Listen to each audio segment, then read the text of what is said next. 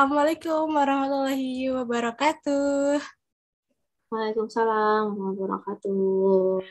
Uh, jadi di podcast melingkar kali ini aku bakalan ngobrolin sesuatu nih sama Kamike yang emang kebetulan kita punya apa ya punya kesamaan ya bukan ya mungkin kita emang lagi pas sama-sama suka gitu. Jadi ya adalah sekalian aja kita kita bikin podcast gitu. Jadi aku ajakin kami ke di sini buat ngobrolin soal tiny house tiny house movement sih.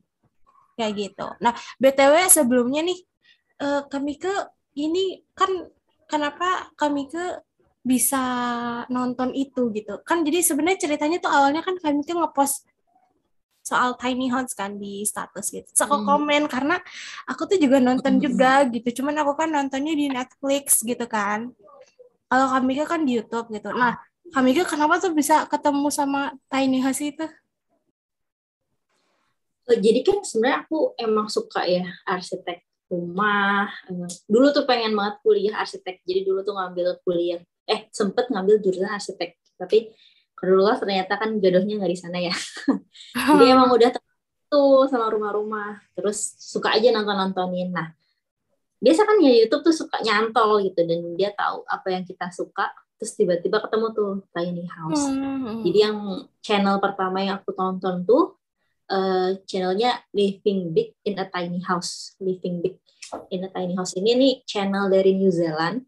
Hmm. Uh, kalau misalkan suka pengen dengerin apa ya speaking gitu belajar speaking ini juga bagus banget jadi aku pertama nonton ya karena suka terus dan karena hmm. emang pengen belajar speaking gitu kan dan hmm. itu enak kalau misalkan buat dengerin oh aksen New Zealand tuh kayak gini oh, terus iya. sebenarnya banyak sih uh, Living Big and Tiny House terus ada uh, Never Too Small judulnya aja tuh udah ini ya yeah. udah penuh makna never too small. Tidak pernah merasa kecil gitu. Uh, sama living big in a tiny house. Jadi ngerasa besar meski rumahnya kecil ya ngerasa besar harusnya. Iya benar-benar. Nah, anak-anak senja banget gitu ya.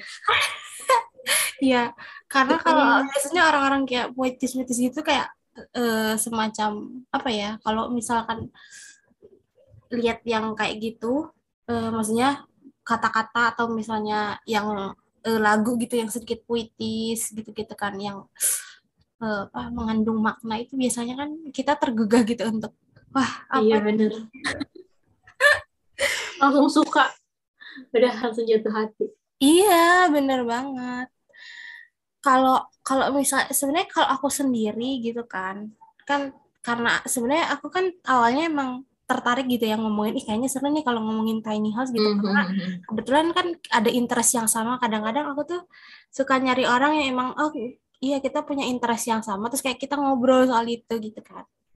Karena itu biasanya lebih nyambung aja gitu maksudnya lebih seru gitu. Kayak gitu.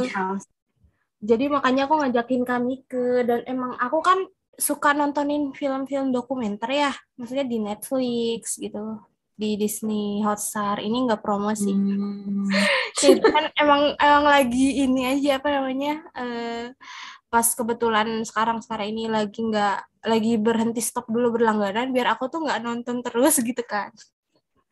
Jadinya terus. jadinya aku membatasi gitu kan. Bahkan aku kayak uninstall gitu kan beberapa channel gitu. Maksudnya beberapa channel video untuk nonton video. Hmm. atau film kayak gitu. Yang Netflix apa judulnya ya? Uh, uh, Tiny ini, House. Tiny House uh, apa sih judulnya ya? Tiny House in uh, bentar oh, bentar. aku harus ini. tapi Tiny cuma House... satu episode gitu oh Tiny House Nation. Nah hmm, awalnya tuh kayak aku tuh kan penasaran kan kan sebenarnya di situ banyak ya uh, tentang apa ya mm-hmm. dokumenter tentang rumah. Jadi nggak cuma kayak tiny house aja tapi kayak bangunan hotel atau misalnya ada orang yang oh, iya. dia berjel apa menjelajah ke beberapa tempat untuk cuman buat nemuin maksudnya cuman buat ngelihat rumah-rumah yang unik gitu rumah-rumah unik yang mewah gitu kan. Aku juga sebenarnya sempat tertarik karena desain desainnya juga gitu kan.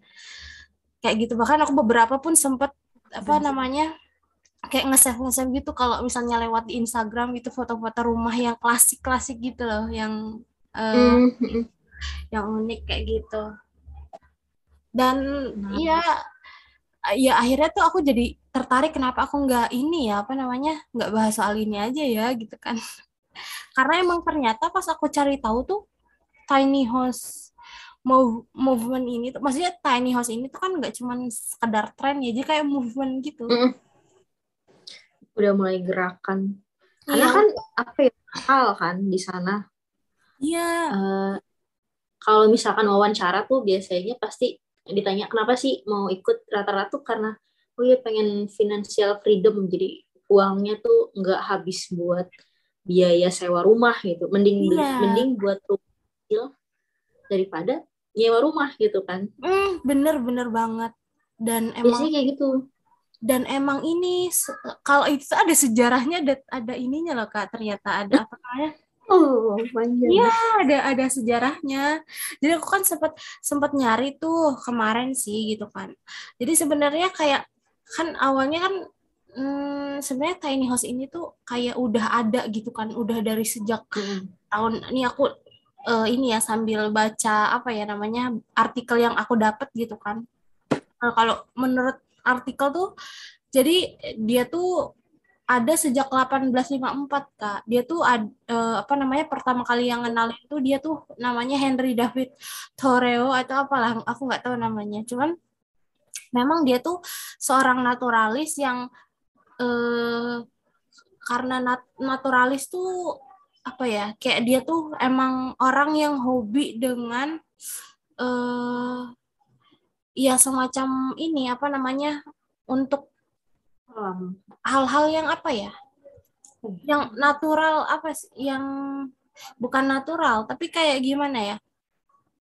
Eh uh, dedicated dirinya tuh soal ini apa soal binatang tumbuhan lingkungan kayak gitu kayak gitu. Mm. ngerti ngerti ngerti ngerti, Mm, kayak gitu kan. Nah terus pemerhati iya pemerhati gitu kan. Nah terus suatu saat kayak dia tuh uh, nyoba gitu hidup di sebuah rumah kecil dan itu katanya deket Danau Walden gitu kan. Dan di situ makanya mm-hmm. dinamain Walden gitu kan.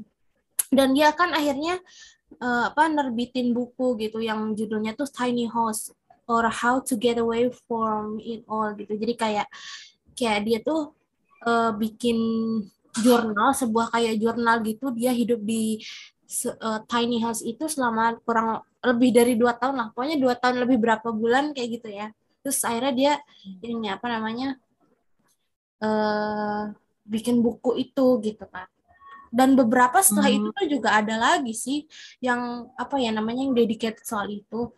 Tapi kenapa banyak orang yang kayak uh, pindah? Jadi maksudnya berlomba-lomba gitu alasan sih selain yang tadi kami kebilang kayak daripada kita apa namanya ngontrak gitu kan bayaran rumah mending kita hmm. punya rumah saja sekalian karena emang biaya tuh mahal gitu kan hmm. dan dulu tuh sebenarnya awalnya tuh gara kalau aku lihat baca di jurnal juga ya sebenarnya aku agak sedikit riset juga sih soal ini gitu. Iya, mantap anakku uh, baca di jurnal salah satu jurnal gitu kan jurnal hmm. ini sih uh, apa namanya dia buatan orang Indonesia gitu kan. Jadi sebelum terjadinya apa namanya yang ibaratnya booming bukan booming sih kayak movement tiny house movement ini tuh kayak dulu dari tahun 2000 dari tahun 2000 sampai kurang lebih 2018 itu tuh uh, masyarakat di Amerika Serikat tuh dia tuh ini apa banyak banget yang kredit kak banyak banget yang ngajuin kredit. Karena itu kan sebenarnya salah satu program pemerintah ibaratnya gitu kan. Kebijakan ke pemerintah Amerika Serikat buat apa namanya memfasilitasi masyarakatnya gitu. Karena hmm. apa ya e, mereka berpikir bahwa kayak kalau misalnya fasilitas masyarakat terpenuhi otomatis kayak finansialnya itu bakalan naik gitu kan. Itu hmm, hmm. intinya un untuk apa ya kayak uh, apa semacam dia nerapin kayak financial development kayak gitu kan. Cuman tapi akhirnya malah jadi kebalikan gitu maksudnya. Malah ter Hmm. akhirnya kayak kayak gara-gara terlalu banyak orang yang kredit kayak gitu kan itu jadi bikin apa namanya bikin apa krisis krisis finansial di situ. Yang awalnya apa Amerika yang dapat krisis sebenarnya itu domestik ya domestik krisis domestik Amerika Serikat tapi akhirnya menyebar ke krisis finansial global gitu. Itu tuh Hmm. apalagi sejak jatuh jatuhnya ini apa kalau misalnya nyari tahu gitu itu tuh ada kayak ada tokoh gitu loh tokoh Amerika Serikat yang dia tuh punya perusahaan besar gitu. Dia tuh siapa ya? Eh, namanya tuh eh, Lehman Brothers pokoknya itu jadi dia tuh kayak investor gitu kan kayak institusi finansial gitu yang apa dia tuh terlibat dalam hal praktik-praktik investasi di pasar Amerika Serikat. Nah, kar- karena karena apa? investasi si Lehman Brothers ini kayak runtuh ya udah akhirnya jadi kayak krisis global kayak gitu. Cuman aku juga nggak tahu sih maksudnya krisis globalnya eh, gara-gara apa cuman itu kan karena aku baca aja ya sekilas aja gitu kan. Karena aku nggak ngerti masalah finansial finansial kayak gitu. Biasanya kan itu orang-orang ekonomi gitu kan atau HI hubungan internasional kan. Gitu aku cuma ngerti sampai situ doang. Oh iya oh gara-gara si Lehman Brothers ini tuh kayak runtuh itu mungkin bisa jadi dia tuh orang yang salah satu maksudnya berpengaruh dalam apa ya namanya kayak menopang finansialnya di AS gitu di Amerika Serikat kayak Hmm. gitu. Jadinya kalau dia kolaps kan biasanya ya udah berdampak kayak efek domino gitu kan. Kayak gitu. Jadi akhirnya tuh eh, banyak orang yang kehilangan rumah kayak gitu loh gara-gara ini. Jadi karena kan sebenarnya awalnya kan kayak di PHK kan gara-gara krisis Hmm. itu banyak orang di PHK terus akhirnya kan karena banyak yang kredit kan otomatis banyak juga kan orang Nggak yang bisa kehilangan bayar ya. rumah heeh, nggak bisa bayar dan banyak yang kehilangan ru- rumah gitu. Jadinya apa namanya jadinya tuh eh, dia tuh kayak kayak mencari solusi gitu kan. Nah kemudian ya itu dia sih sebenarnya para arsitek arsitek kayak gitu dia mikirin sesuatu kayak gitu untuk ini. Jadi akhir eh, mikirin sesuatu buat ngatasin masalah itu. Terus di tahun 2017 baru deh tuh pas ternyata banyak tunawisma yang apa ya homeless men kayak gitu kan. Mereka apa ya namanya mendorong untuk eh, apa ya namanya membu eh, membuat sebuah ini apa tiny house itu gitu. Karena banyak terlalu banyak tunawisma di situ kayak gitu di tahun 2009 kayaknya itu naik banget Hmm. pokoknya itu tunawisma di Amerika Serikat jadi makanya ya udahlah oke ini jawaban para arsitek dan para aktivis gitu-gitu kan di Amerika Serikat sebuah solusi untuk beli harga apa namanya harga yang cukup murah gitu kan tiny house Hmm. gitu, gitu. dan itu kalau misalnya salah satu eh di salah satu wawancara sih ada yang harganya tuh sekitar maksudnya secuan sekitar ribuan dolar deh Oh, berapa berapa ribu dolar gitu iya, murah sih. Iya, dan itu kayaknya nggak tahu sih apakah itu udah lengkap atau enggak, cuman sih kayaknya udah lengkap ya, maksudnya. Karena kebanyakan tuh eh ininya ini banget sih apa namanya? Pas aku lihat pun kayak barang-barangnya pun nggak nggak terlalu nggak sebanyak itu gitu. Nggak Hmm. sebanyak yang kayak di rumah-rumah ini. Jadi kayak lebih kayak hidupnya jadi lebih minimalis nggak sih gara-gara itu? Minimalis. Tapi kalau kata orang minimalis, belum tentu yang punya tiny house itu minimalis. Iya. Nah, maksudnya, jadi orang minimalis belum tentu punya tiny house juga. Iya sih. Iya kan? Karena kadang tuh aku ngeliat rumah rumah tiny house nih, tapi dalamnya tuh barangnya banyak banget kayak yang kadang tuh nggak penting-penting amat sih kayak pajangan atau apa itu kan sebenarnya kalau orang minimalis mungkin ngerasa kayak ini tuh nggak perlu gitu. Hmm, mm, Nah, lebih jadi kadang kepada Mm-mm. gimana? Ya kadang kadang tuh eh, rumah tiny house ini ya kadang tuh aku ngeliat kayak dari luar tuh ya kecil dalamnya tuh ternyata banyak banget barang-barangnya itu banyak juga tuh kayak gitu case-nya Hmm. karena mungkin uh, ini ya masih minimal apa tiny house tapi isinya maksimalis Hmm. minimalis Iya, bisa jadi. Bisa jadi. Cuman emang apa ya namanya Kak? Eh kayak beberapa emang beberapa barang-barang pun mungkin masih dianggapnya kayak oh ini nggak terlalu penting-penting banget kayak gitu kan. Sebenarnya itu kan buat kesan dan memperindah sebenarnya kan. Iya benar cuman mungkin ya itu kan selera orang sih biasa mau Iya, desainnya kayak gimana tapi emang bener sih karena orang minimalis itu malah justru dia emang pakai barang tuh ya emang yang dibutuhin gitu. Yang bener-bener Hmm. kayak kepake gitu barangnya. Barangnya tuh kepake.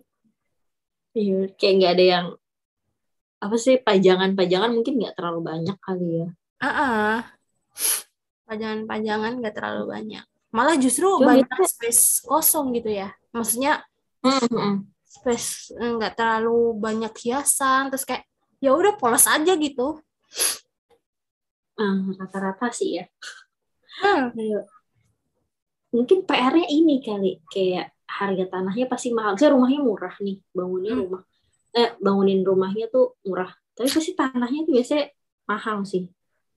Iya. PR-nya Tapi kalau di Amerika tuh emang ini sih, maksudnya kalau di luar negeri gitu, di negara-negara Eropa sama Amerika itu biasanya emang Hmm.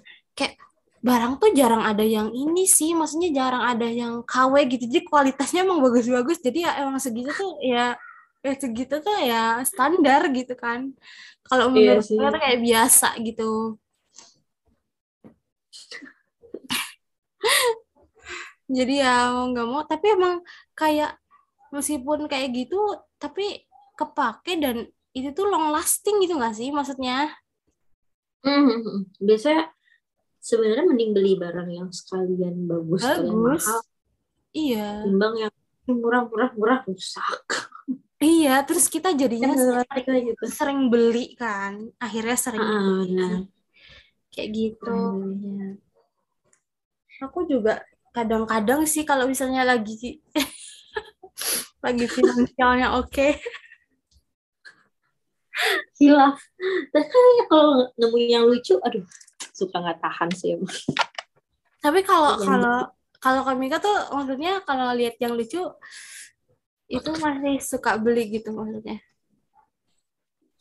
Eh, iya, tapi tuh aku pasti, tapi ini sih ngelihat butuh nggak ya gitu. Misalkan kayak oh eh, apa tempat penyimpanan gitu, lucu banget gitu. Misalnya gambarnya tuh gambar gambar kartun-kartun gitu. Terus aku pikir aku butuh, aku beli. Itu Tapi masih Kayaknya- lah. kayaknya mencari alasan dan pembenaran.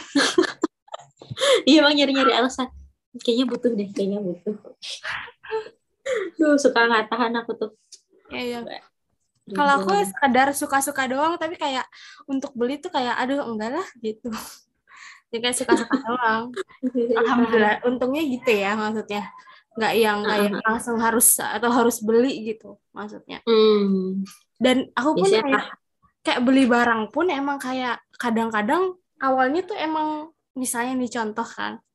Aku pengen waktu dulu waktu sebelumnya nih, waktu pas aku mau ganti HP.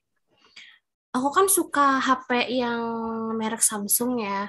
Aku hmm, Samsung tuh aku emang suka gitu. Cuman di satu sisi tuh eh, aku cuman punya budget sekian gitu. Aku pengen pengen beli Samsung yang emang emang pengen beli Samsung, cuman yang speknya ya yang inilah ya yang lumayan bagus gitu kan. Eh tapi ternyata hmm.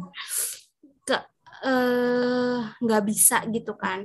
Ah, bisa pun kayak oh itu second gitu. Tapi meskipun second, menurut aku itu eh, maksudnya masih oke gitu loh. Maksudnya dipakai kan kita sempat Mhm, mhm, nyoba juga kan, kayak gitu kan. Nah terus ya udahlah akhirnya aku daripada aku pada ujungnya tuh melihat apa yang aku butuhkan sebenarnya maksudnya kayak eh, melihat fungsinya gitu daripada melihat mereknya gitu kan Iya ada sih. yang emang kayak Samsung bisa yang kayak baru gitu gitu kan cuman Hmm. speknya itu eh menurut aku tuh nggak worth it gitu maksudnya speknya ih kok HP yang ini speknya lumayan tinggi dengan harga yang sama tapi HP Samsungnya itu Hmm. enggak gitu misalnya dan aku malah beli bukan yang HP Samsung kalau aku suka Samsung kayak gitu entah itu mungkin karena padahal modelnya biasa aja maksudnya malah kayak bagusan yang Samsung gitu untuk model gitu ya hmm. untuk model kayaknya bagusan Samsung gitu. Cuman ya udah aku kayak belinya eh ya udahlah belinya ya yang yang ini aja yang sekalian yang bag, yang bagus speknya gitu milih yang spek spek yang bagus gitu tapi dengan harga yang yang emang sama gitu aku lebih milih itu Hmm. jadinya akhirnya aku nggak beli Samsung gitu jadi kayak apa yang aku pengen tuh kadang-kadang tuh nggak nggak ini gitu tergantikannya Sesuai kebutuhan. Iya, kayak gitu kan. Aku mikir-mikir lagi. Perlu keper, soal so- soal keperluan sih sebenarnya baliknya, balik lagi. Dan ya emang kayak tiny house ini emang solusi sih menurut aku juga ya nggak sih Kak? Maksudnya di tengah padatnya ini apa namanya? eh hiruk pikuk kota Hmm. gitu kan. Mereka bisa punya space, tempat dan maksudnya tempat tinggal yang emang itu nyaman, terus juga enaknya tuh bisa dipindah-pindah ke mana kak? Ke mana pun kita mau pindah gitu. Jadi kayak nggak usah nggak usah kita kalau mau pindah tuh kayak bangun ulang lagi gitu. Atau misalnya kayak yang ini dirombak atau dijual gitu terus kita bangun ulang lagi. Kan nggak gitu ya kak? Maksudnya kita ya udah ya udah Eh, tinggal kalau di Indonesia susah ya. ya udah tinggal dorong aja gitu. Kayak Hmm. gitu loh. Maksudnya tinggal dibawa aja pakai kontainer Kalau dicuri pun sebenarnya gampang ya orang tuh tinggal tinggal ke rumahnya. Aduh. Iya, bener. karena nggak ada space, jadi kayak pencurinya tuh pun kayak kayaknya mikir-mikir juga ya maksudnya. Nggak ada tempat buat sembunyi. Kadang tuh kalau di sana kan tanah mahal. Ya, Aku sih nontonnya kan yang New Zealand ya. Mereka tuh banyak yang eh, misalnya tanah tanah kalau nyewa tanah mahal biasanya mereka nyari nih temennya atau orang tuanya pasti kan punya tanah-tanah kayak tanah lapang atau tanah peternakan. Mm-mm. Nah, kadang tuh mereka pakai itu. Karena kan kalau nyewa tanah tuh atau beli tanah itu mahal. Terus Hmm. aku juga nyari-nyari tuh kalau di Amerika pasti mahal. Hmm. Makanya eh, selain nyewa ke temen, ada juga yang tinggalnya nomad gitu loh, nomaden. Oh iya, karena itu dia tadi. Iya, karena mahal. Akhirnya bisa dipindah-pindah, kayak rumah siput jadinya ya. Iya bener. Cuma PR-nya tuh orang jadi ngerasa, ih lu gak punya rumah ya. Mungkin ada tuh film tahun 20, 2020, 2020, itu judulnya Nomadland. Nah itu tuh benar-benar ceritain ada ibu-ibu yang udah tua gitu lah, pokoknya ha- hampir lansia. Hmm. Nah dia tuh eh, suaminya udah wafat, akhirnya dia ngejual rumah terus beli van gitu loh. Oh iya iya. iya. Ah. Terus anak kecil tuh ada yang bilang, "Eh, kamu nggak punya rumah ya? Kamu gelandangan ya? itu kan padahal kayak ya emang gue pengen jalan-jalan aja gitu kan. Iya, kayak traveling, kayak mungkin menikmati sisa hidupnya gitu kan buat buat senang. Ah, bener. emang omongan orang tuh yang lebih susah sih buat Iya, iya benar benar benar. Dan kalau pas aku lihat kan aku sempat lihat juga tuh beberapa video yang di YouTube gitu kan. Kalau itu Hmm. rumahnya tuh ada yang di gunung gitu ya Kak, masih di tengah gunung gitu. Ya nggak sih? Maksudnya tiny house-nya dibangunnya tuh di tengah gunung gitu. Jadi kayak pas buka jendela tuh langsung pemandangan yang luas. Bahkan ada yang di bukit, di atas bukit gitu. Iya benar-benar. Kayak aku mikir ini alat transportasinya gimana? Terus dia kalau misalnya kerja gimana? Oh iya kan online bisa sekarang zaman online jadi selama ada koneksi internet sih nggak apa-apa it's okay. Menurut aku tuh worth banget sih kayak kita bisa tinggal di tempat yang emang nyaman terus kayak keluar dari hiruk pikuk apa padatnya kota berisiknya kota gitu kan. Tapi kita juga tetap bisa kerja. Nah itu tuh yang paling enak banget sih kayaknya ya kayaknya deh.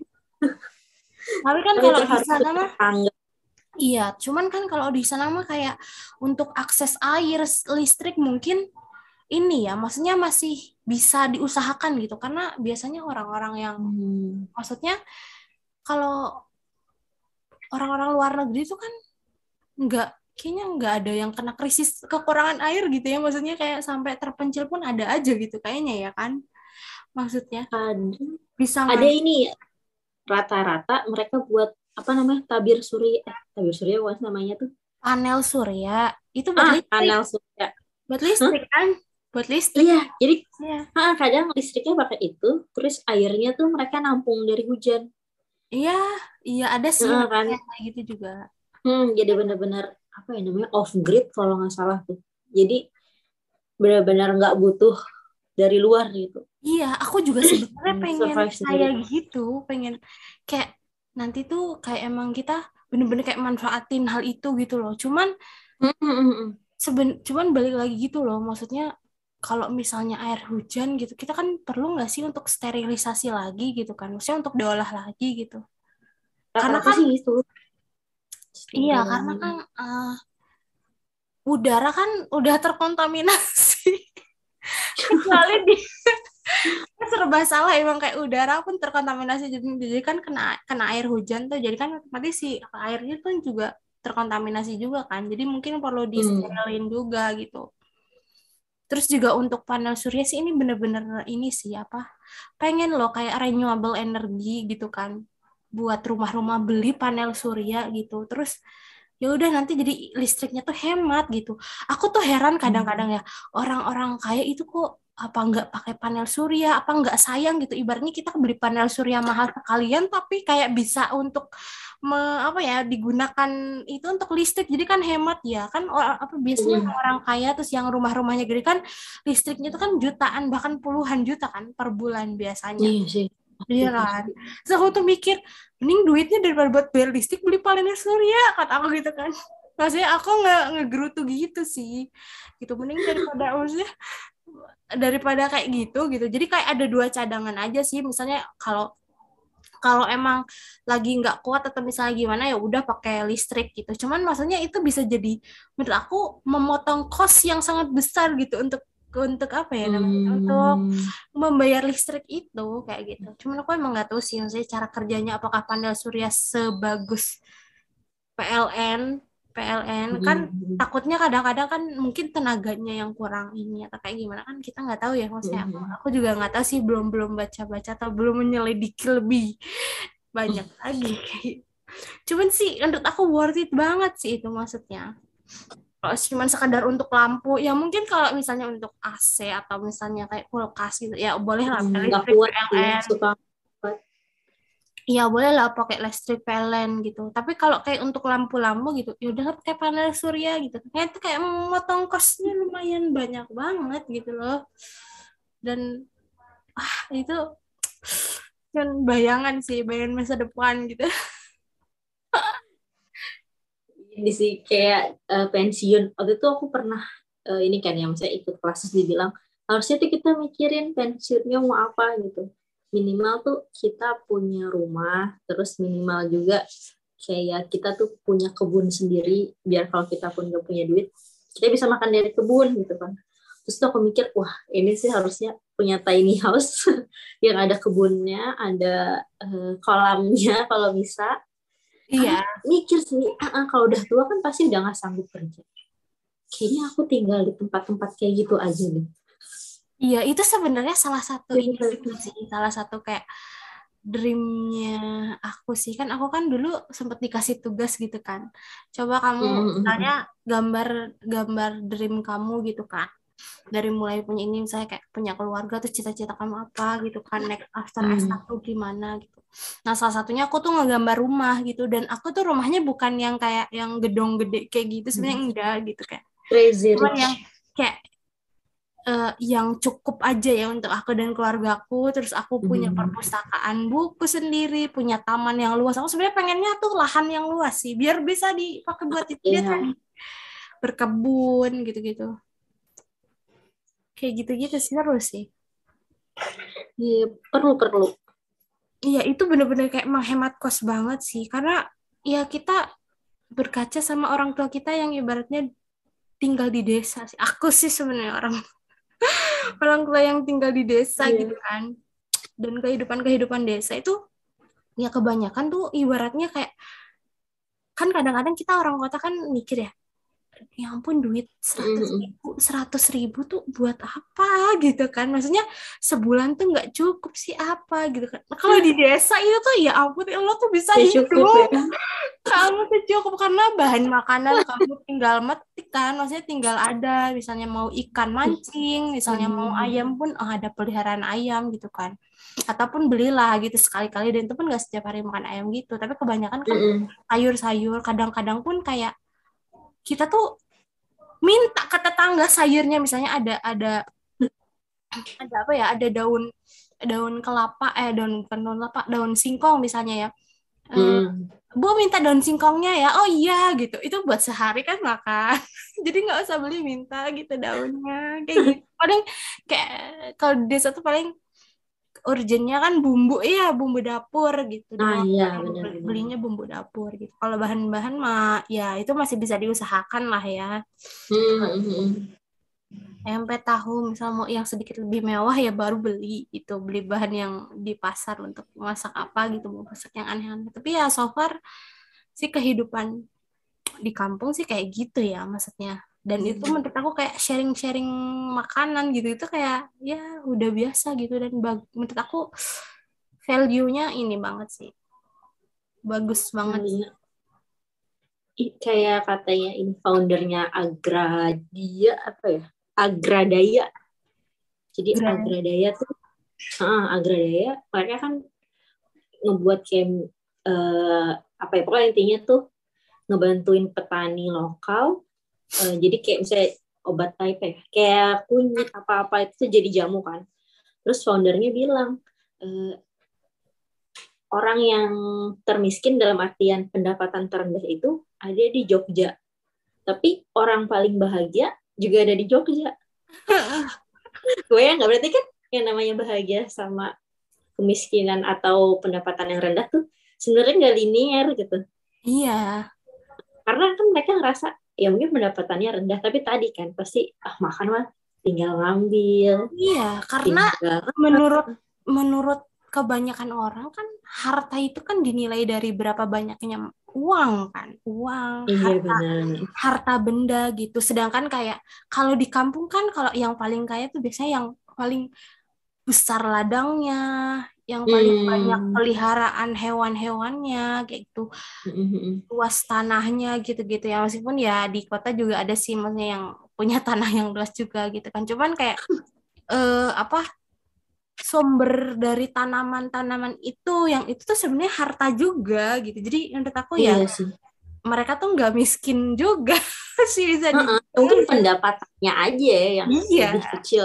Iya tapi ya hartanya mereka tuh melimpah sebenarnya kan harta kan Heeh. bisa uang kan tanaman tumbuhan kayak buah-buahan pun gitu kan dan kadang-kadang tuh yang uniknya kan tumbuhan tumbuhan-tumbuhan di desa tuh misalnya kan kan biasanya ada musim-musimnya ya Hmm, Nah, misalnya eh, ada beberapa rumah yang misalnya punya pohon rambutan, ada yang punya pohon buah gitu. Nanti misalnya kalau udah musimnya tuh dibagi gitu. Jadi kayak oh kita tuh bisa loh, maksudnya tiap musim tuh makan buah gitu.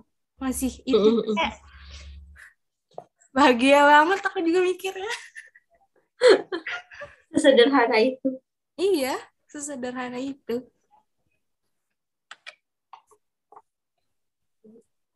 Makanya tuh eh, seru banget sih kalau yang misalnya kita pendapatan di kota gitu kan, pendapatan kota tapi tinggal di desa. Ah, Duh, impian banget. Rata-rata tuh eh, temen kakakku ada yang kayak gitu kan sekarang ini ya karena pandemi. Jadi oke kerjanya tetap remote tapi tinggalnya di desa. iya, dan gajinya gaji kota gitu. Aku pengen Masya Allah. ngekos di Jogja deh. Iya, ya. Allah.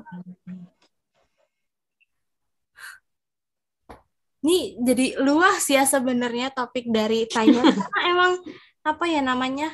Karena mungkin tiny house ini karena tiny house gitu. Jadi lahan ketersediaan lahan tuh jadi semakin luas juga kan. Hmm, Misalnya kita paling cuman beli misalnya berapa kali berapa berapa meter kali berapa eh, berapa meter misalnya 10 meter kali 10 meter misalkan Mm-mm. gitu kan. Kan tiny house itu ya paling gedenya mungkin 8 sekitar 8 kali 4 gitu kan ya. 8 meter Ya. kali 4. Ada sih yang 8 meter kali 4 tuh mungkin kayaknya ukurannya beda-beda. Cuman yang aku lihat sih 8 kali 4. Kalaupun misalnya kayak cuman beli 10 kali 10 tuh sebenarnya udah kita masih punya lahan gitu kan.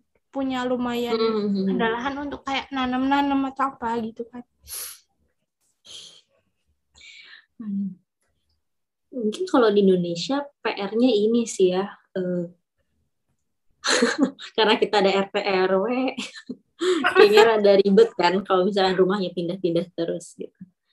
Pasti rata-rata tuh kalau aku ya di Jakarta, rata-rata numpang kakak tuh.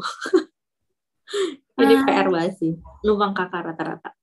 Kalau misalnya di Indonesia, aku mikir, sempat mikir sih gimana caranya kita punya tiny house paling mungkin ya kita mungkin punya apartemen yang kecil apa ukurannya kecil kan sekarang banyak kayak di Jakarta tuh mulai dibuat tuh terus pemerintah juga mulai kayak ini lo bisa beli rumah gitu kan Heeh. apartemen kayak rumah susun yang kecil-kecil Iya.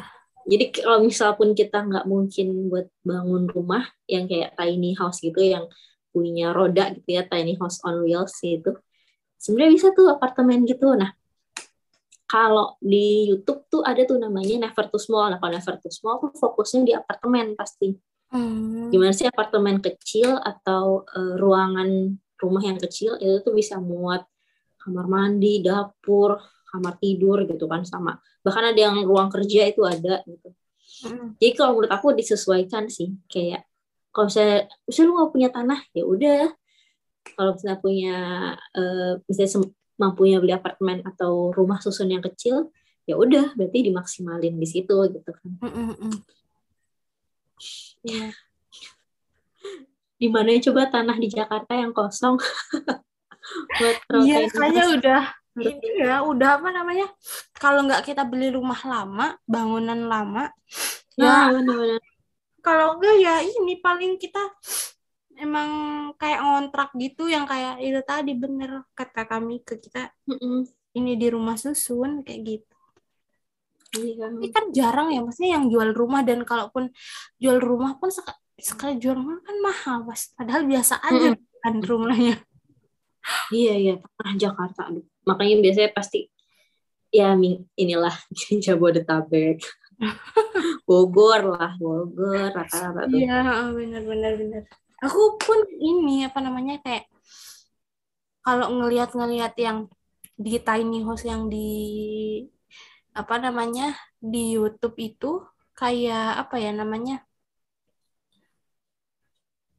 kayak mereka tuh untuk regulasinya nggak terlalu nggak tahu sih ya cuman kayaknya nggak Hmm, terlalu hmm. seribet itu ya maksudnya untuk untuk soal rumah kayak gitu Hmm. maksudnya kan mereka tuh kan Izin bangun ya. Iya, izin kan maksudnya tiny house pun kayak misalnya kita pun misalnya pakai kan maksudnya pemerintah udah nyediain tin- tiny house itu kan maksudnya program mungkin ya mungkin salah satu Hmm. itu juga pasti didukung pemerintah juga kan makanya ada gitu kan Eh, memungkinkan kita tuh untuk berpindah-pindah juga gitu misal emang lahannya Hmm. di ini kayak gitu jadi kita gampang untuk nyari lahan baru dan nggak perlu kayak kita bangun ulang rumah tapi sebenarnya di Indonesia pun beberapa ada yang nerapin tiny house gitu kayak KPR KPR gitu kan juga kayak gitu kan. KPR KPR gitu itu bangun tiny house juga terus di Bali juga sebenarnya ada tiny house tiny house gitu yang yang deket sama alam Hmm. gitu loh cuman ya mungkin harganya itu pricey tiny tapi pricey Aduh, rada PR sih kalau Indonesia ya.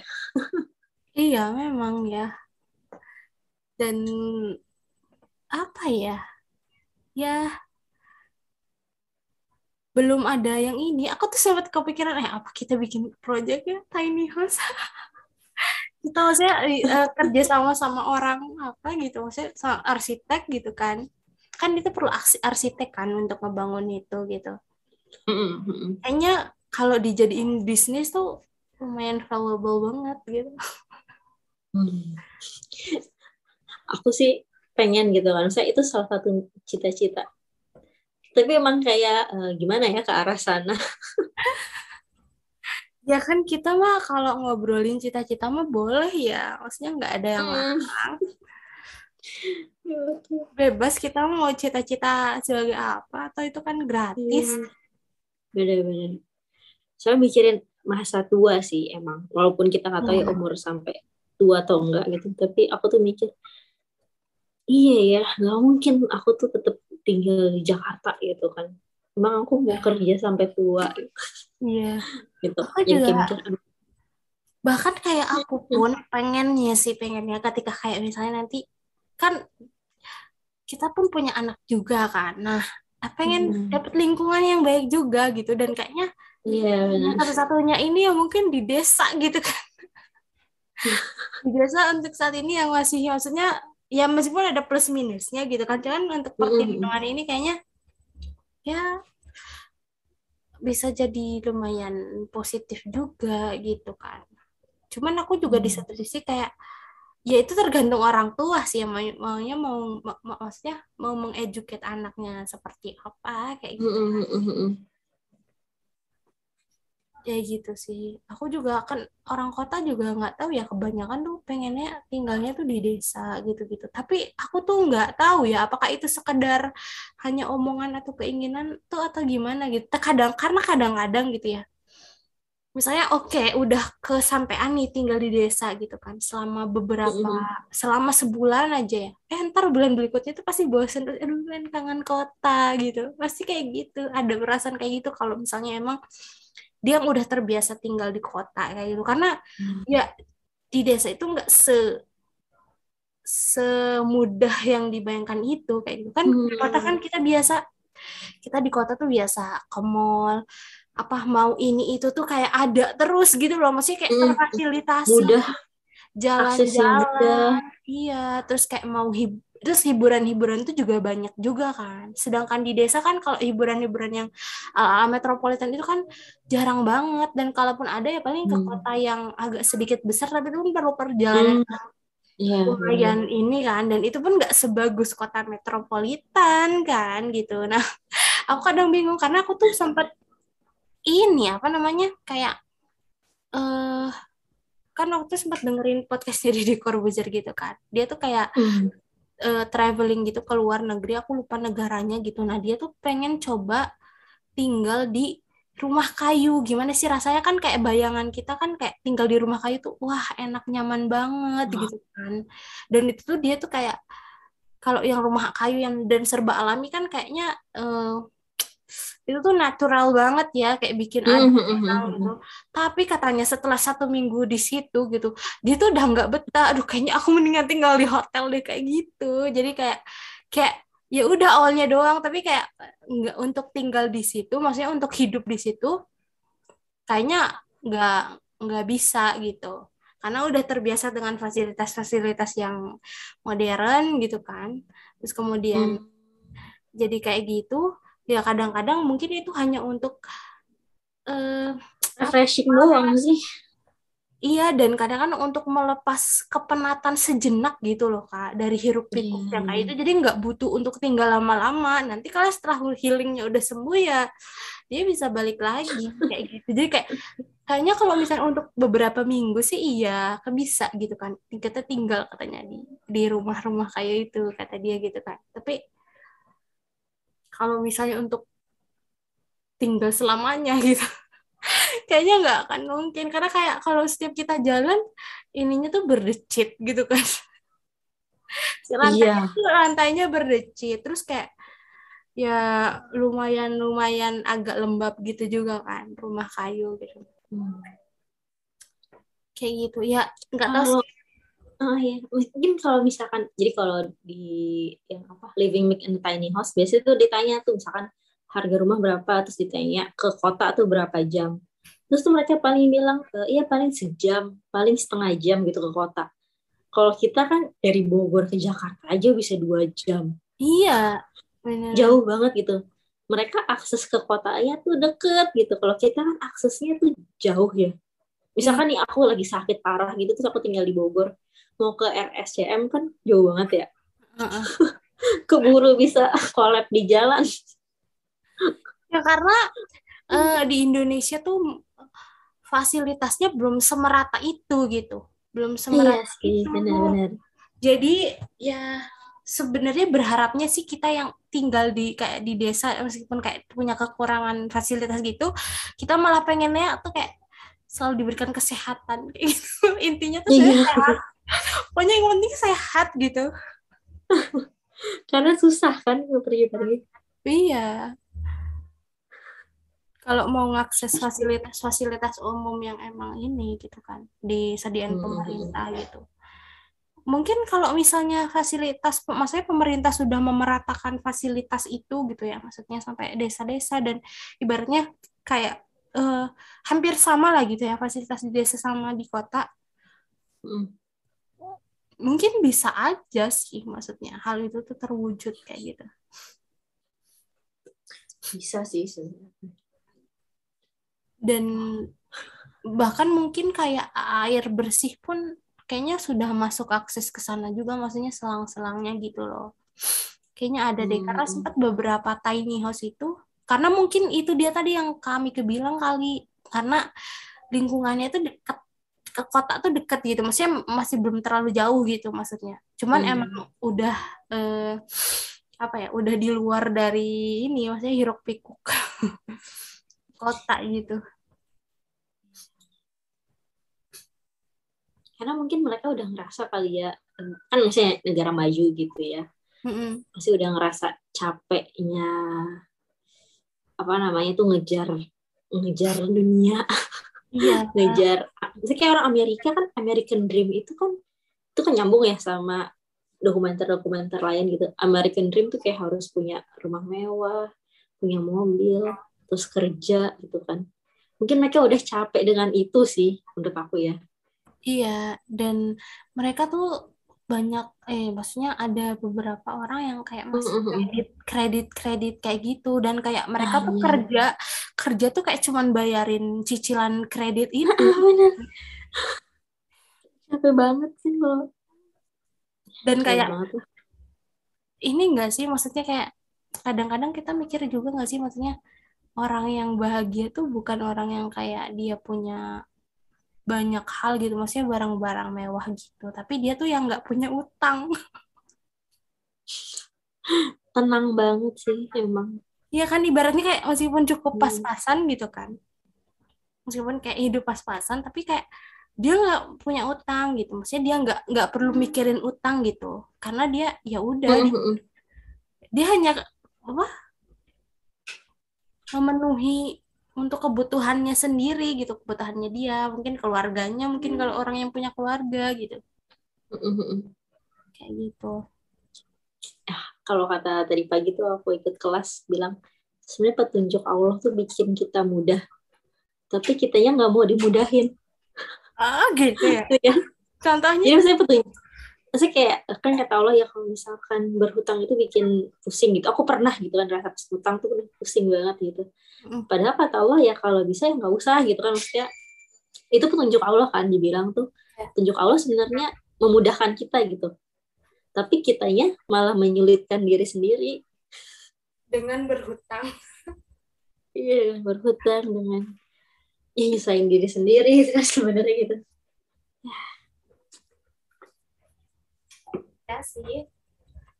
Dan aku inget nggak kamu yang apa aku pernah cerita loh yang pas waktu SD aku ngutang. Oh iya, kayak seratus rupiah itu aku sampai dimarahin gara-gara yang ngutang itu gitu kan karena karena aku mau Hmm. jajan terus kayak kurang uangnya beli es itu tuh kan haus kan aku nggak bawa minum. Gitu. tapi atau aku inget banget kalau aku tuh beli es gitu kan beli es beli minuman kayak gitu kan. Tapi esnya tuh es yang ada soda-sodanya gitu waktu SD tuh. Terus yang sedotannya kecil tapi panjang banget inget nggak? Tahu nggak? Oh iya, Oh, aku sedotannya yang bolongannya kecil loh tapi panjang gitu. Minuman-minuman yang kayak gitu gitu kan cuman waktu itu harganya tuh berapa? Terus kurang 100 gitu. Terus kata abangnya karena kan abangnya baik banget dan emang udah bertahun-tahun Ah, bener. gitu kan gitu kan. Dan Mhm. jadinya tuh kayak ya udahlah nggak apa-apa gitu kata abangnya. Ya udah kan aku kan kayak seneng banget kan abangnya baik. Terus pas besokannya dimarahin karena aku minta uang lebih kan. Mau boleh minta uang lagi nggak seratus polosnya aku tuh kayak gitu loh maksudnya aku minta uang lagi. Walah. padahal sebenarnya kalau aku diem sih aku nggak minta uang lagi gitu kan. Sebenarnya kayaknya nggak bakalan apa-apa gitu. Cuman karena aku minta uang lagi gitu. Karena karena kayak mungkin waktu Ketahuan. nggak mau mengurangi jatah uang jajan gitu loh. Iya kan? Kayaknya sayang gitu kalau uang jatah kita tuh dikurangi gitu. Akhirnya kan minta lagi tuh. Padahal seratus rupiah ih seratus rupiah dulu kan lumayan ya Iya, gede banget lah. kita apa permen aja masih dapat berapa tuh seratus tuh? Tiga apa berapa gitu? Apa dua gitu? Lupa. Bener, bener, bener, bener. karena waktu masih harga 50-an atau berapa gitu aku juga lupa sih. Hmm. nah ya itu dia tadi. Aku dimarahin habis-habisan tuh ya Allah. Aduh, aku Bisa- juga tuh kemarin baru banget tuh iya ke gitu warung. Ke warung kurang 500 kan. Yaudah om, nanti aku balik lagi aku ambil 500 gitu. Ya lah mbak, besok aja, besok aja. Kan gitu ya biasanya tuh Iya. orang warung. tuh. Heeh. Udah nggak usah, nggak usah. Ntar om saya pulang dulu. Sampai akhirnya ibu-ibu yang belanja bareng aku tuh bilang, ya udah mbak, saya bayarin 500 rupiah. itu kayak malu tapi ya makasih ya bu tapi malu juga gitu Iya tapi bener Hmm. loh. Dek, maksudnya mendingan kayak gitu sih kayak alhamdulillahnya maksudnya kami ke ketemu orang baik gitu yang mau bayarin. Karena ya mungkin ibunya kira tuh ya Allah cuma 500 gitu kan ya udah apa-apa mbak. Tapi ya kayak gitu tuh Hmm. sebenarnya bernilai juga sih. Aku juga kadang-kadang kalau misalnya eh ketemu sama orang gitu kan kadang-kadang kan aku juga pernah di kayak gituin juga tuh ini mbak nggak apa kayak uang Hmm, ini bener. jadi makanya kayak aku tuh oh ya udah kalau misalnya kayak aku ketemu sama orang yang emang kembalian misalnya nih kurang gitu kan saya lima ratus ribu gitu cuma lima ratus ribu sih aku bisa bayarin gitu kalau lima puluh ribu seratus ribu Iya. kayaknya ya mendingan diikhlasin aja dulu deh ini belum belum seikhlas itu ya maksudnya kekuatan maksudnya tingkat bener-bener. keikhlasannya aku masih kurang kayak gitu loh ya kalau 500 rupiah ya nggak apa-apa gitu iya malah kayak ya udah malah kayak lupa gitu iya ah, kan udah usah nggak usah. Heeh.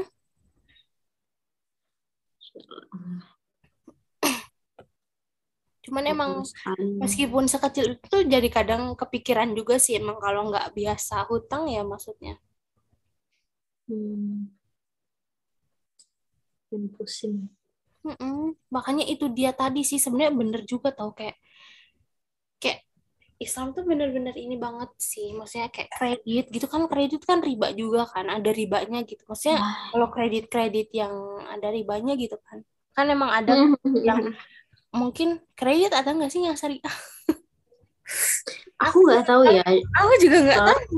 Belum belum cari. soalnya tuh, eh, kan ada yang KP apa sih rumah rumah yang aku nggak tahu sebutnya apa maksudnya rumah cicilan tapi syariah Mm-mm, ada juga yang kayak gitu. Nah, Cuman terus aku ada juga yang eh maksudnya kalau misalkan kredit tapi nol rupiah itu gimana? Aduh, aku mah Ntar dulu deh, belum Iya. belajar nggak ngerti. aku juga belum berani sih kayak ini kayak gitu harus belajar dulu memang kalau yang kayak gitu. Nah ini tuh Hmm. nol rupiah tuh nol rupiahnya kayak gimana? Apakah memang nggak ada bunga misalkan dari tiap cicilannya tapi nanti Hmm. misal telat nanti berbunga atau enggak? Nah iya, ah, kayak gitu kayak gitu. Kalau nggak telat nol, ya nggak ada nggak ada bunga. Kalau telat ada bunga sekian persen kayak gitu. Ya berarti sama aja dong. Ya kan? Ya, aku tak tahu. Emang Ya aku sih nggak tahu ya ini kesotoyan aku aja gitu. Kalau yang kayak gini tuh emang perlu ditanya ke ustadz yang emang dia ahli di fikih syariah yang kayak gini sih. Ah, Indonesia syariah kontemporer, udahlah skip aja dulu. Iya. Tapi ya itu tadi sih kita kayak cuman maksudnya tadi belajar dari kayak Amerika gitu ya. semakin banyak orang yang Hmm. kredit itu malah bukan semakin meningkatkan apa finansial menaikkan finansial Hmm. ini apa namanya masyarakat maksudnya negaranya tapi malah kayak bikin jatuh gitu cuman nggak tahu kan Ya. sampai sekarang juga kayaknya masih ada deh yang kayak gitu-gitu Hmm. Serakah merugi, selalu merugi. Iya kan itu kan yang film dokumenter terbaru yang Tinder itu kan kayak gitu kan dia sampai kayak Mhm. ada yang cewek yang pakai ya udah kamu pakai semua kredit kamu aja bisa nggak kayak gitu dia transfer tapi akhirnya kan nggak digantikan ya tuh kasihan banget sih maksudnya kayak sampai ada yang sembilan Bucin banget. sembilan kartu kredit loh kak itu diambil semua kan kayak ya ampun kayak dari sini ke sini. Lunas yang ini berapa ribu dolar berapa ribu ya Allah itu kasihan banget sih ya Allah. Sedangkan kayak gaji kita tuh nggak bisa pun kayak menutupi sekali bayar satu kredit. Terus Semuanya oh, ya. iya semuanya sekaligus gitu. Berarti yang bayar harus yang perempuan ya itu ya iyalah kan kartu kreditnya milik perempuan ya? Sama dia ya. bukan atas nama laki-lakinya kartu kreditnya. Kacau sih.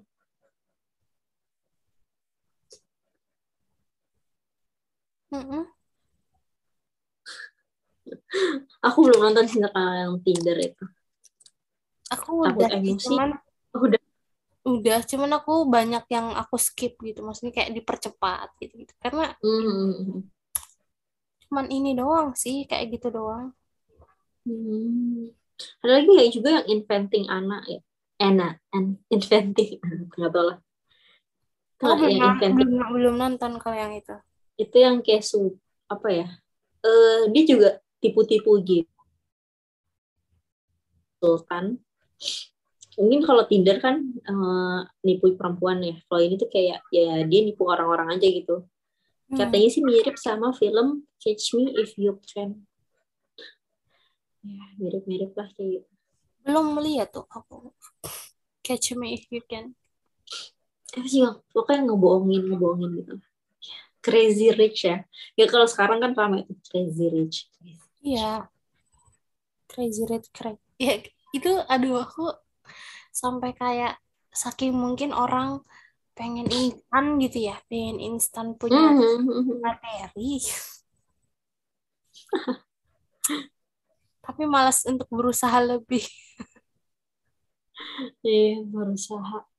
Kurang usaha tapi kalau tiny house tuh ya ini sih kayak rasa kita harus kita harus ngerasa cukup dulu sih Iya, kalau kita pengen punya tiny house gitu. Dan aku ngerasanya pun gitu kan. Kan aku kan udah lama tinggal di kosan gitu kan. Maksudnya Mhm. ngekos-ngekos gitu kan. Jadi kayak sebenarnya itu salah satu miniatur atau gambaran kayak tiny house gitu kan. Aku ngerasanya juga Hmm. emang kayak gitu sih. Ya, cuman bedanya kan aku masih kalau ngekos kan berarti kan bukan milik kita kan. Kalau tiny Iya. house kan udah jadi milik kita, udah jadi hak milik kita gitu. Jadi ya beli barang pun karena emang bukan kayak milik kita gitu kan. Ya beli barang pun ya seadanya aja. Malah kayak aku tuh pengen mengurangi gitu. Karena kayak aku ngerasanya barang aku terlalu banyak. Aduh kayaknya aku harus dikurangi deh. Baju-baju aku sebagian ada yang aku kasih, dikeluarin gitu kan. Mhm. Terus barang-barang yang kayak nggak aku pakai aku simpenin atau misalnya mau aku buang atau gimana gitu kan terus juga Hmm. beberapa wadah tempat-tempat makanan gitu kan yang mungkin aku kumpulin gitu kan aku jadi akhirnya aku jadi akhirnya buang gitu atau misalnya kalau misalnya bisa dimanfaatin jadi barang lain ya mungkin aku manfaatin kayak gitu. Ya gitu-gitu sih. Jadi kayak males gitu mau beli barang-barang lagi gitu. Karena terlalu banyak barang terlalu jadi jadi malah ini bikin pusing gitu maksudnya. Jadi apa ya Hmm. namanya kita terlalu lama untuk memutuskan sesuatu untuk memilih dan memutuskan sesuatu. Kayak misalnya kita terlalu banyak baju gitu kita jadi kayak kadang-kadang sometimes bingung itu "Ah, baju apa ya? Gitu. Karena ya baju kita terlalu banyak dan ngeliatin pakai baju apa hari ini? Iya effortnya tuh di situ kan. Karena kita milih karena karena terlalu banyak pilihan bukan malah memudahkan sebenarnya kalau banyak baju tuh. Tapi malah me, apa ya membuat kita semakin lama untuk memutuskan sesuatu. Makanya kan uh, benar filosofinya bukan filosofi apa ya? Sebenarnya filosofi atau apa sih? Yang kayak Steve Jobs itu kayak punya baju tuh ya udah satu warna itu doang atau satu atau misalnya mm-hmm. kayak kayak apa pun kayak kaos-kaos doang gitu jaket ya udah ada jaketan dan warnanya pun itu doang gitu sama semua gitu. Ya benar untuk memangkas apa ya namanya? Uh, efisiensi waktu biasanya tuh. Ya, jadi uh, gak perlu waktu buat istilahnya waktu buat mikirin baju bisa dipakai buat hal lain. Iya benar benar benar. Dan itu tuh nggak hmm. sama aku kadang-kadang mikir ya selama ini tuh kayak aku nggak nggak sadar beberapa hal tuh aku juga berpikir kayak gitu gitu. Hmm. Kayak aku nggak terlalu sering di luar ketika misalnya kayak aku jalan atau misalnya kayak gimana, aku terlalu nggak terlalu sering kayak merhatiin orang. Bahkan aku kayak bisa dibilang aku nggak tahu ya apakah aku ansos atau enggak. Cuman emang aku ansos sih enggak juga sih, bisa dibilang enggak. Cuman mungkin kayak ya udah aku ngobrol sama hmm. orang yang emang kayak bikin aku tuh bermanfaat gitu, maksudnya bikin hmm. setidaknya tuh ngobrol kayak misalnya obrolan ini nih, obrolan tuh ya ya udah yang bikin kita tuh upgrade skill, terus juga hmm. upgrade pengetahuan dan memicu kita tuh untuk berpikir lebih kritis. Oh iya ya, ini tuh hubungannya dari sini tuh bisa ke sini ya gitu kan. Kayak ini kan kayak kita sekarang kayak kita hmm. ngalir aja, tapi ternyata banyak gitu kan yang dibahas meskipun kayak ini pun dadakan kan. Persiapannya yang enggak cuman beberapa jam doang kayak Kak ayo kita ngobrol yuk soal ini gitu kan. Tapi yang dibahas kan banyak banget gitu. Maksudnya melebar gitu. Jadi ya itu dia tadi sih. Itu kayak memangkas hal-hal yang ya ibaratnya gini kayak otak kita tuh daripada buat mikir eh, ya mikirin yang ini ya udahlah mikirin yang itu aja yang maksudnya yang penting-penting aja kayak gitu yang dipikirin ya meskipun kita juga sebagai mm. manusia tidak memungkiri bahwa kita pun kayak perlu entertainment gitu kan maksudnya kayak mm. kayak mungkin entertainment nonton film atau misalnya kayak baca komik baca buku gitu kan yang menurut kita tuh kayak ya receh-receh gitu lah ya gitu kan cuman kan eh tapi aku juga nggak nggak ya bukan berarti kayak kita ketemu sama teman ketemu sama teman juga itu percuma. Enggak juga sih. Enggak gitu juga. Hmm. kan itu kan sebenarnya kayak melatih sosialisasi. Sebenarnya adanya juga ada juga karena saya ada value-nya juga sih. Kayak silaturahim terus melatih sosialisasi juga kan. Gitu. Cuman ya hmm, kita harus tahu juga sih maksudnya orangnya. Tergantung orang ya. Kalau kayak gitu Iya kan? Balik lagi berarti. Daripada yang... Iya, iya. Uh, ada tuh tiny house yang dia bilang, ya dia tuh buat tiny house biar keluarganya deket gitu. Karena kan kalau dulu pas jadi mereka tuh punya rumah gede terus dijual akhirnya buat tiny house terus mereka ngerasa iya sih anaknya tuh jadi lebih deket lebih kelihatan gitu kan iya kalau Nah, kalau rumah gede kamar-kamar kamar masing-masing kan pasti kayak ya rasa jauhnya tuh ada gitu kan. Iya, pasti kayak ada jarak gitu kan. Iya. itu kayak gitu. Mm -mm. Karena mungkin kan apa ya mungkin karena budaya di sana juga gitu kali ya. Iya. Kayak anak tuh punya privasinya sendiri. Iya benar. Bahkan mereka kan udah kayak ninggalin maksudnya anak bayi itu udah punya kamar sendiri gitu loh. Jadi kayak bisa sama hmm, bener -bener. kan. Kalau di kita kan anak bayi mah ya masih tidur sama kita lah. Kayak tidurnya tuh ngemper gitu kan kadang-kadang kan. Iya hmm. kanan kiri bapak ibunya gitu. Waduh. Mm -mm dan aku pun ngerasanya gitu sih pas kayak aku sekamar sama adik aku aku jadi kayak sering tidur kan sering tidur sama adik aku gitu. Aku jadi hmm. ngerasanya tuh deket gitu nyaman kayak gitu sih. Jadi lebih uh, ikatan batin mungkin bisa jadi ikatan batin atau perasaannya tuh terkoneksi gitu. Lebih dekat ya iya, lebih dekat gitu lebih kerasa. Iya kan kadang-kadang kita kalau misalnya kepisah kan yang satu mainan HP sendiri di kamar, kadang misalnya hmm. bahkan kayak ada loh, maksudnya kayak sehari ibaratnya serumah gitu ya. Masa sehari cuman ketemu sekali doang gitu. Misalnya itu sebentar pas makan misalnya nggak pas kebetulan lewat ke kamar mandi saya apa gitu. kalau kamar mandi dia di luar, kalau kamar mandinya di dalam kayak ya Allah apa apa dia di kamar gitu kan apa apa di kamar nggak ada ketemu sama, sama iya nggak ketemu sama sekali padahal satu rumah gitu loh. PR banget ya. Iya. Iya memang. Jadi ya kayak gitulah ya tiny house menurut kakak ada positif negatifnya nggak sih? Maksudnya negatifnya ini kan dari tadi kan kita kayak ngomongin oh, iya. positifnya gitu kan? Kayak oh iya tiny house gini solusinya untuk maksudnya untuk segala keresahan gitu. Nah negatifnya nih. Kayaknya belum bahas negatifnya ya. Uh, waktu itu aku pernah tuh bilang ke budeku kan uh, iya aku mau rumah yang kecil kayak gini aja bude. Terus kata budeku entah kalau aku kalau Budi datang Budi tidur mana? Gitu loh. Jadi mungkin itu bakal PR kalau buat kita ya. Ah iya kalau ada tamu ya atau keluarga. Ah, ada tamu ada keluarga atau ada orang tua gitu kan. Mau tidur mana? Gitu. Malah kan sering banget ya tiny house tuh kamarnya di atas ya karena kan ya ruangnya sempit lah. Mm-hmm. jadinya tuh eh, mereka buat kamar di atas. Nah kalau yang orang tua udah lansia kan itu PR ya. Iya. Nggak mungkin tuh kan uh, susah. Kadang ada yang ngebuat tuh kasurnya bisa naik turun. Oh. Uh, jadi tuh atau ada juga yang buat kasur dari sofa. Jadi sofanya itu bisa jadi kasur gitu kan. Yeah. itu juga kayaknya banyak sih sekarang di Indonesia sofa kasur. Iya. Itu pasti uh, PR-nya di situ.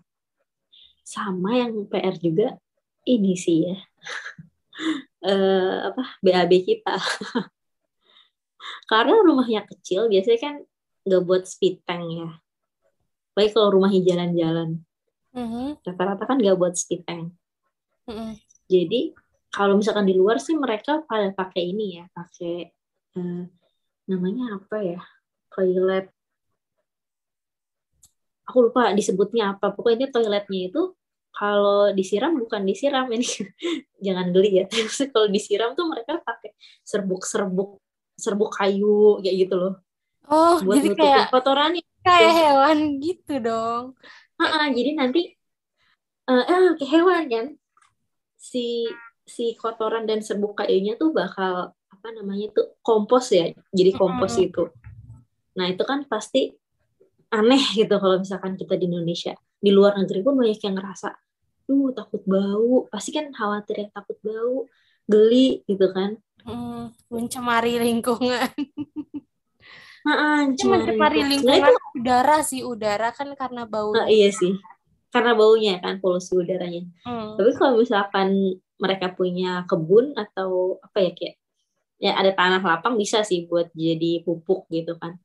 Kalau nggak punya kan kayak aduh PR lagi gimana. Mm -hmm. gitu loh. Yes, iya Jadi kalau misalkan di Indonesia Nah, Indonesia mungkin kita bakal tetap harus buat speed tank atau tadi gitu. Nah, ya jadi kompos sih. Mm. Iya sih, kita harus emang harus memikirkan sampai sejauh itu sih gimana apa, apa iya.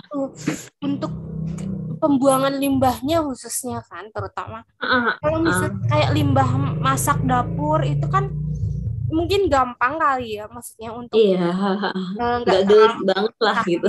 kan iya. Karena itu limbah yang ini. Nah ini limbah manusia gitu yang iya yang kita pasti kita, kita kan nggak dalam bentuk padat aja tapi cairan pun ada uh, gitu.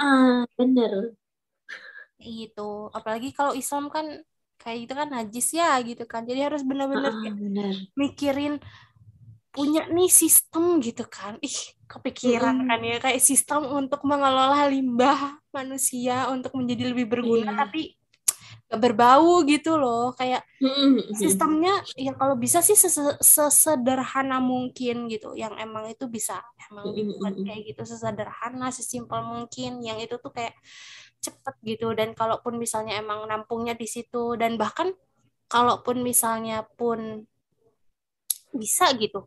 Hasil dari limbahnya itu tuh bisa kita jual sebagai pupuk itu tadi untuk ke misalnya yes. Iya untuk dimanfaatkan di kebun-kebun atau apa. Tapi kan itu kan pupuknya udah dalam bentuk jadi ya. Udah dalam bentuk iya. jadi kayak kalau pas kita ngebuang limbahnya kan itu kan ini. Cuman kan ada proses kan di situ. Udah dan itu tuh udah hmm. langsung auto jadi. Gimana caranya tuh udah auto jadi kompos gitu. Misalnya dalam waktu ya misalnya dua hari tiga hari lah ya gitu kan udah jadi kompos. Kayak gitu. Terus akhirnya ya si komposnya itu bisa dimanfaatkan. Bahkan kayak bisa dijual dan jadi kayak penghasilan gitu kan. Bisa jadi penghasilan. Oh, itu keren banget kalau kalau bisa kayak gitu. Iya. Makanya tuh aku mikir uh, jangan merusak bumi gitu. Kayak ya apa sih? Aku lupa deh uh, redaksinya ya kalau di dalam Al-Quran. Kan jangan merusak bumi. Pikir-pikir ya sampai kotoran kita pun sebenarnya merusak bumi sih. Maksudnya dalam artian kayak kalau nggak benar gitu ya dibuangnya, nggak hmm. benar disalurinnya kan itu bisa ngerusak juga ya. lingkungan.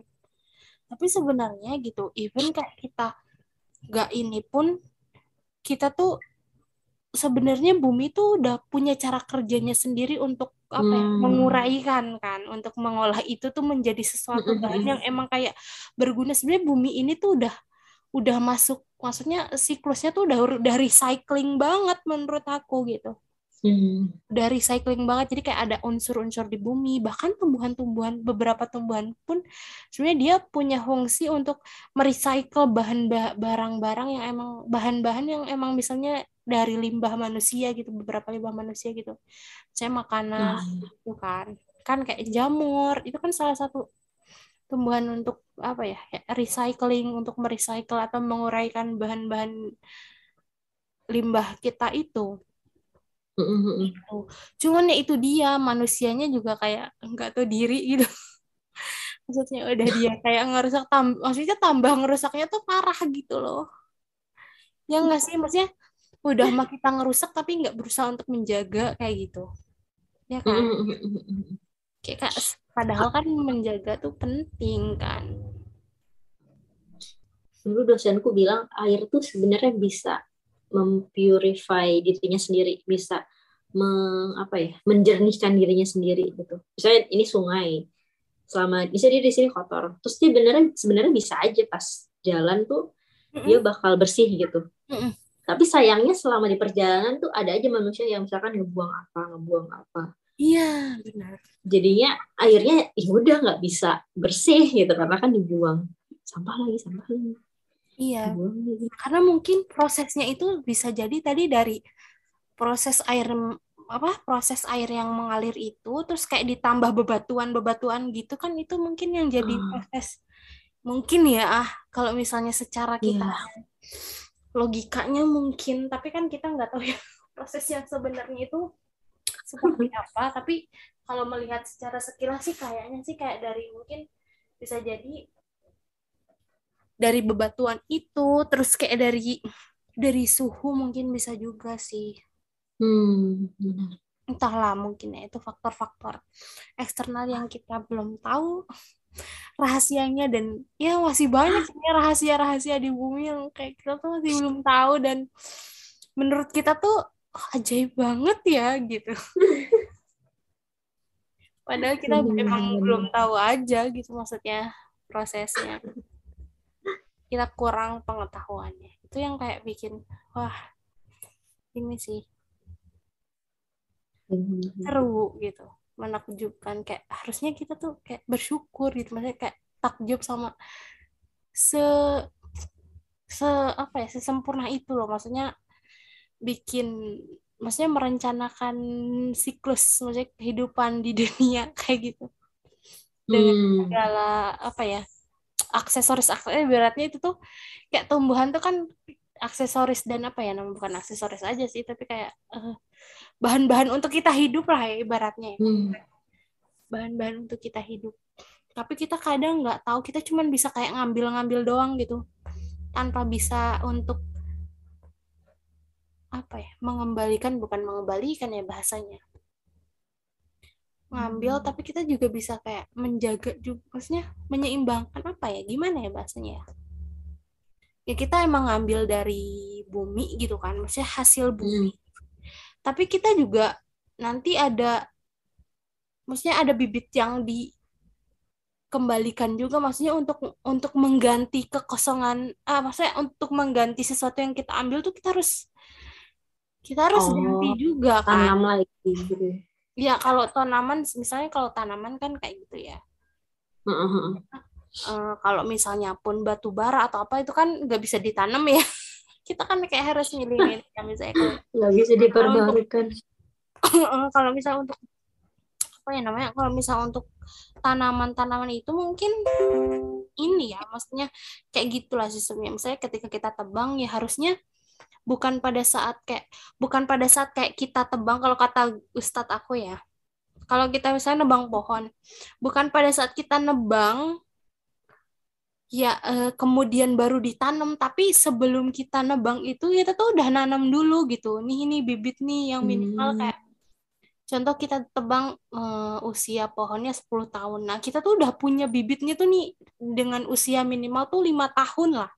lima tahun pohon hmm. untuk menggantikan si apa tumbuhan yang kita tebang gitu. Setidaknya jadi pas kita kita tebang tumbuhan yang usianya 10 tahun, yang lima tahun ini bisa menggantikan itu, yang hilang itu kayak gitu. Begitupun kayak sebaliknya, kayak gitu sih, Maksudnya tuh kayak gitu.